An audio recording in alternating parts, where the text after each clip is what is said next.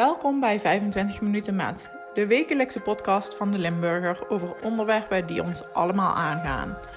Mijn naam is Lisa en ik heet jullie graag welkom bij aflevering 1 van onze nieuwe podcast. Deze aflevering die in het teken staat van racisme in Nederland en in het buitenland. Black Lives Matter, alle protesten en wat witte mensen kunnen doen om zichzelf te onderwijzen. Ik sprak met Sona Sumbuno over de petitie die zij samen met Lucky Chateau opstelde om het onderwijs op scholen in Nederland te willen veranderen. Ja, ik ben natuurlijk bij jou uitgekomen door uh, ja, jullie uh, petitie die ik langs zag komen bij Op1, waar jullie uh, samen hebben gezeten en verteld hebben. Ja. Um, zou je misschien ook um, ja, voor de mensen die niet weten wat je doet of waar je voor staat, heel eventjes willen uitleggen wat jullie precies gedaan hebben? Uh, ja, we hebben een burgerinitiatief opgericht. En daarbij um, wilden we dus eigenlijk dat uiteindelijk onderwijs, dus basisschool en middelbare scholen, dat die uh, racisme en discriminatie zouden, verplicht zouden behandelen op school. Dus um, dat begint dan al heel vroeg op de basisschool uh, met eigenlijk kinderen aanleren, gelijkwaardigheid eigenlijk aanleren. En dan later op latere leeftijd er ook echt over praten en um, nou ja, eigenlijk de mogelijkheid geven om, om met elkaar over in gesprek te gaan.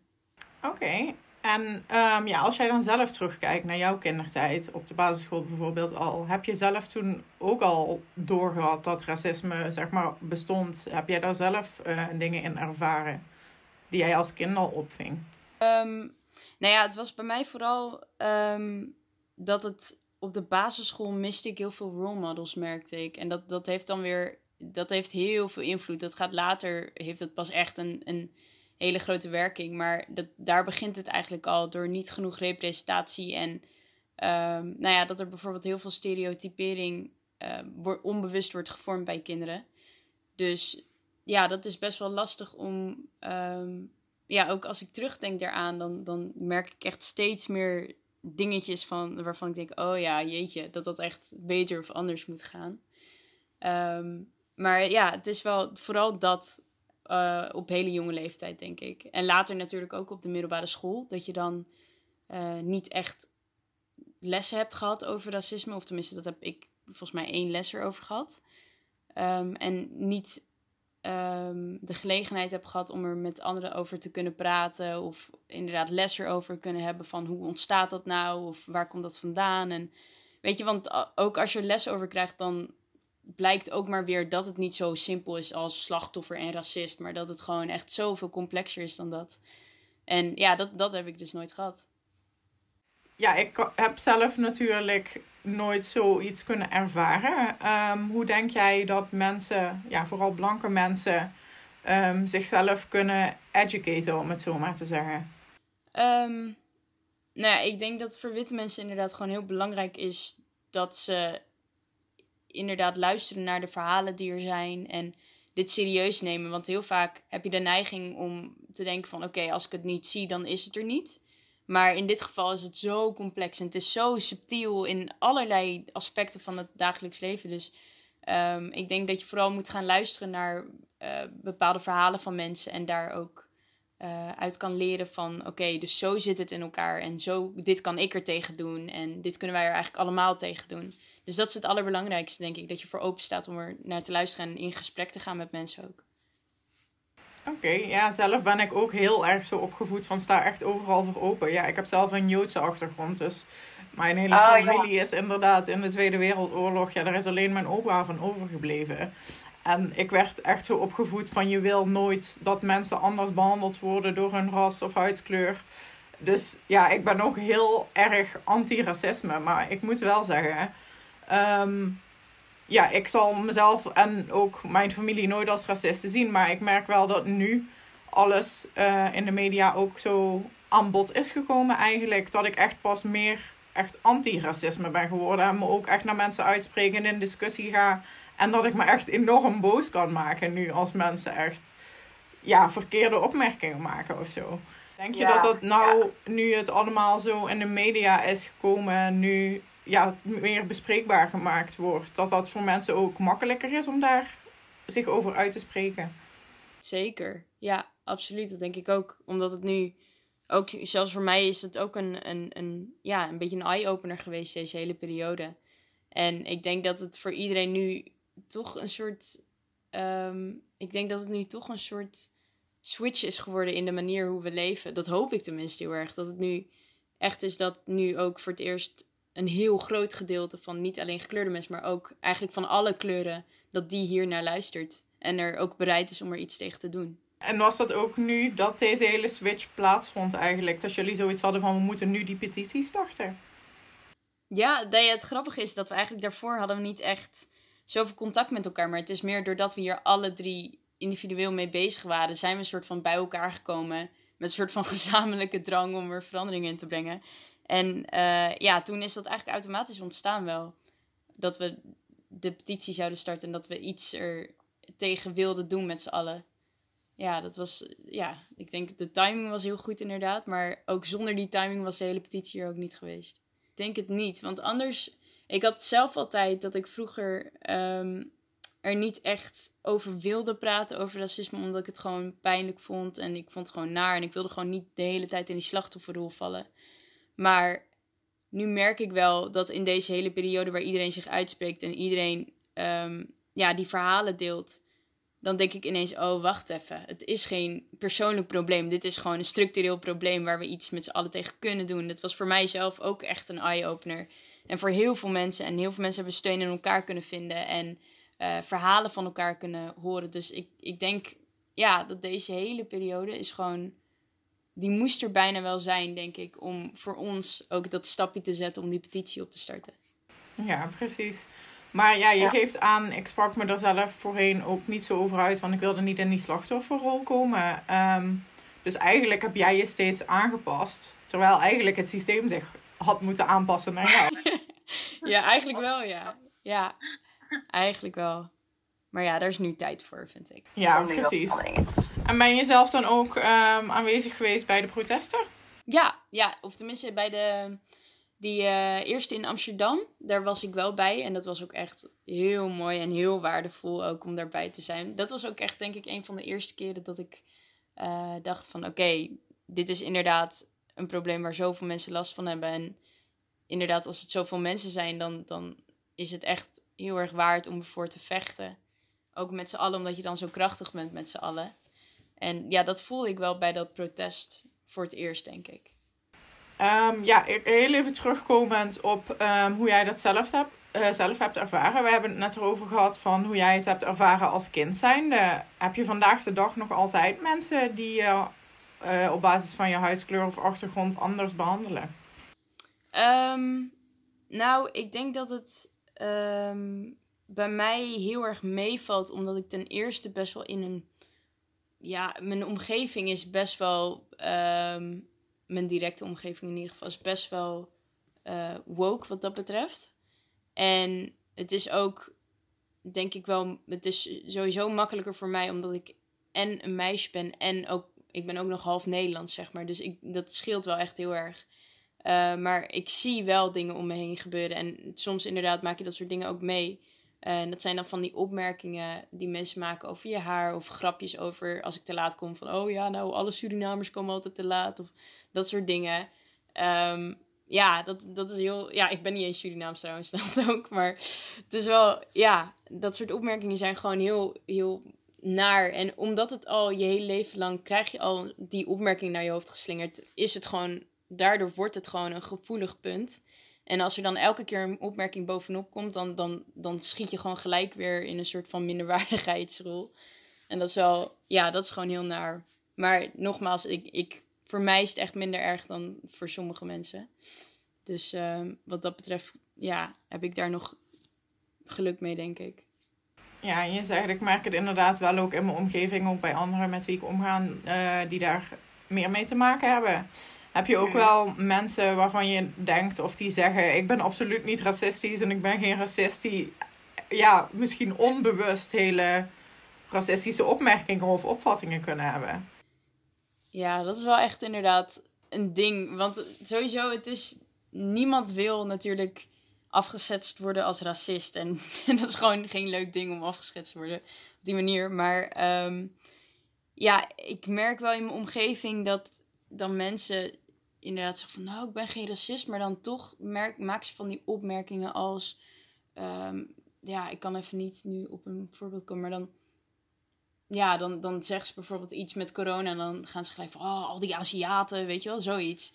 En dan, daar word ik wel een beetje boos van, omdat ik dan denk van, oh mijn god, dan, het is niet dat je een racist bent, maar er moet zoveel, zoveel onbewust racistische eigenlijk wel gedachten, die, die gaan er door mensen heen. En dat is ook iets wat door mij heen gaat. Af en toe dan denk ik ook zoiets en dan denk ik van, oh god, wacht even, daar heb je weer zoiets.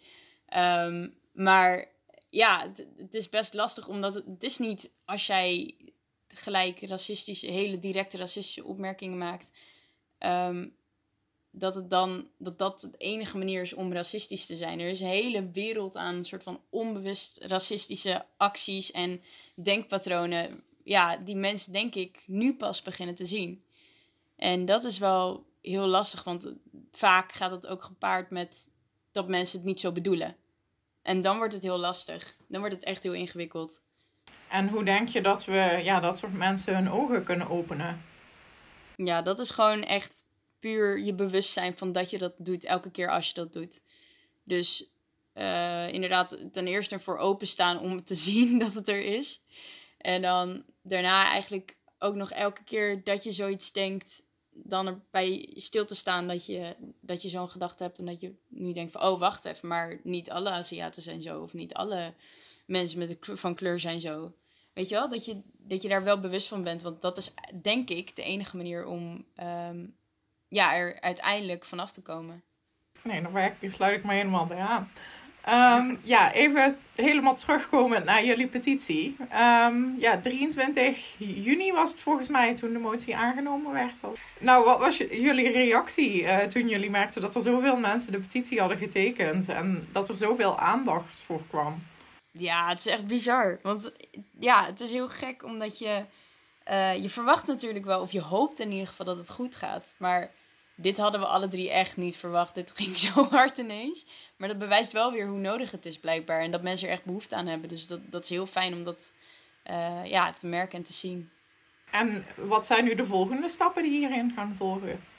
Ja, dat is een beetje een lastige. Want we hebben nu... Um, ja, kunnen we eigenlijk meerdere kanten op. En we zijn nog een beetje aan het kijken van... Um, wat zijn nou de beste stappen om die te zetten? En um, ja, hoe, hoe gaan wij daar ook in verder? Want ik, ik ga zeg maar na de zomer studeren. Dus ik weet niet hoeveel tijd ik er dan nog voor over heb. Maar uh, Lakisha en Veronica die hebben bijvoorbeeld al wat meer tijd. En die kunnen um, volgens mij nog minstens een half jaar echt hard aan werken. En we hebben ook een heel team dat het hartstikke leuk vindt om mee te werken. Dus we moeten even kijken waar iedereen naartoe is. En, en hoeveel tijd iedereen er uh, aan wil besteden. Maar de volgende stappen die we nu op het oog hebben, dat zijn dus um, lesmethodes benaderen. Dus echt de mensen die boeken maken en dan kijken of het daar uh, het een en ander aan te passen valt. Um, wat ook een hele belangrijke stap is, is um, dat dit soort onderwerpen als racisme en discriminatie, dat die al eigenlijk op de PABO, dat daar al les over wordt gegeven. Want als jij les moet geven over racisme of discriminatie en je staat zelf bevoordeeld voor de klas, dan heeft het eigenlijk vrij weinig zin of dan, dan kan het misschien een beetje verkeerd uitpakken. Dus het is heel belangrijk dat de mensen die erover leren, die, die uh, leerlingen erover gaan leren, dat die inderdaad ook precies weten waar ze het over hebben. Dus vandaar dat de PABO heel belangrijk is en uh, nou ja, andere instanties die leraren opleiden. God, we hadden vier richtingen, maar ik weet even niet meer welke dat waren. Maar dat waren in ieder geval twee belangrijke. Um, ja, en natuurlijk kan je ook nog altijd um, kan je ook nog altijd via social media heel veel um, ja, druk uitoefenen en heel veel mensen uh, ja, een soort message laten weten van, of hoe, noem je dat? Um, ja, op die manier kan je wel nog via social media kan je wel nog mensen verhalen laten horen, bijvoorbeeld van anderen.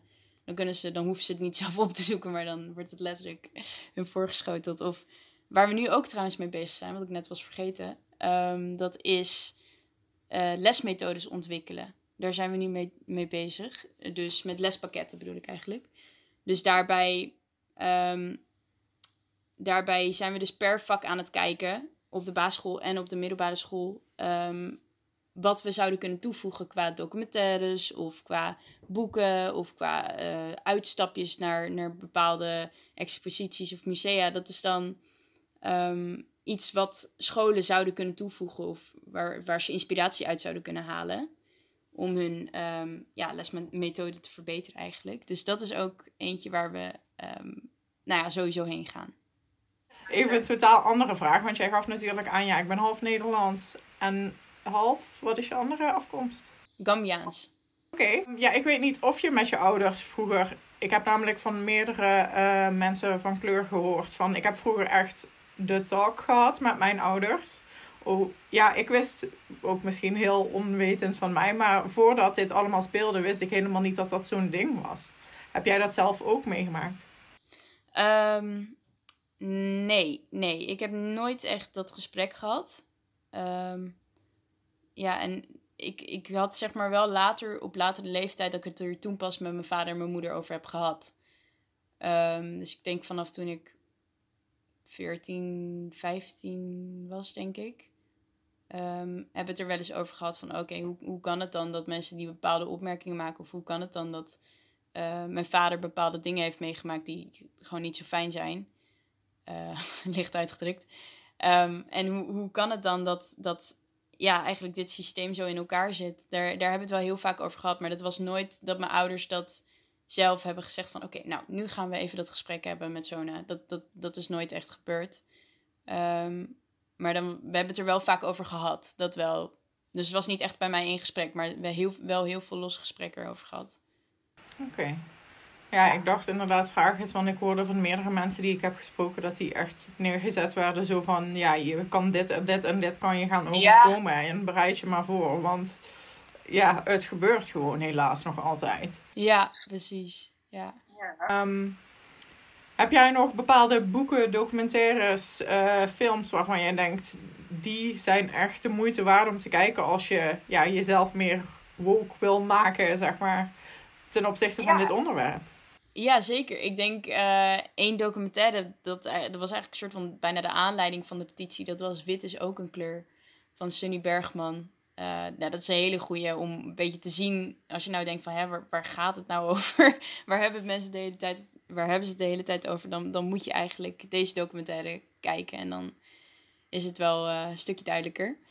Um, en ik vond het heel mooi. Daar zit ook een scène in. Die, dat heet de doltest. Heet die, uh, um, nou, dat, dat, daar hebben ze dus een scène in waar ze de doltest doen. En de doltest is dan een test waarbij dan kinderen van elke kleur eigenlijk... Die, die worden dan voor een tafel neergezet. En daar staat dan een witte pop op en een zwarte pop op.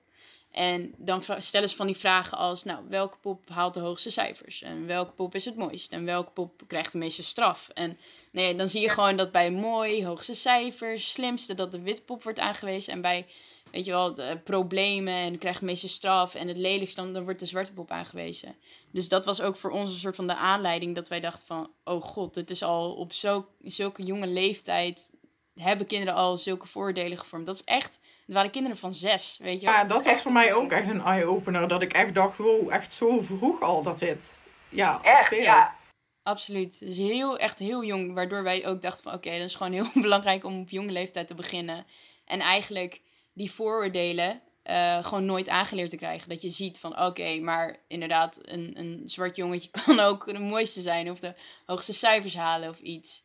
Weet je wel, dat, dat beeld iets diverser wordt van mensen. Of iets diverser, gewoon, gewoon neutraal eigenlijk. Dus het is, um, ja, dat, dat vinden wij heel belangrijk. Ja, nou, dat uh, ja, vind ik een hele mooie. Um, ja, ik vond hem zelf ook echt heel indrukwekkend. Ja, inderdaad, wat ik zei. Ik had niet verwacht dat het al zo vroeg zou meespelen, zeg maar. Maar als ik zelf ga terugdenken, nu vallen me ook een hele hoop dingen op. Dat ik denk vroeger, eigenlijk kan dat echt niet. Wat een, ja, op de basisschool leer je bijvoorbeeld al, ja, een huidskleur potlood is gewoon een heel licht roze potlood. En dat ik nu echt denk, als ik dat nou zou moeten uitleggen, ik heb zelf een neefje van zes. Ik zou hem nooit dat soort dingen willen aanleren. Nee, precies. Dan denk ik, ja, het is eigenlijk één grote brainwash eigenlijk wat er met iedereen gedaan wordt. Ja, eigenlijk wel, ja. Ja, precies Vandaar de petitie. Ja, precies. Nee, echt een top uh, idee wat jullie inderdaad hebben gestart. En uh, hopelijk zo snel mogelijk ook uh, uitgevoerd gaat worden. Zeker, ja. Dan wil ik je bij deze heel erg bedanken. Yes, graag gedaan. En dan is er nog iets wat jij wil meegeven aan de luisteraars? Um, nou, nou, ik zou zeggen, check onze Insta voor als je up-to-date wil blijven. En dat is, um, nou ja, zet je punt in. En um, daar kan je eigenlijk alle updates vinden en waar we mee bezig zijn en wat we de komende tijd ook gaan doen. Dus ik zou zeggen, check dat als je geïnteresseerd bent. Top, gaan we zeker allemaal doen. Dit was aflevering 1 van 25 minuten met de podcast van de Limburger. Sona, enorm bedankt voor je harde werk. We gaan zeker alles volgen via social media. En alle luisteraars zou ik graag willen zeggen tot volgende week. Doei!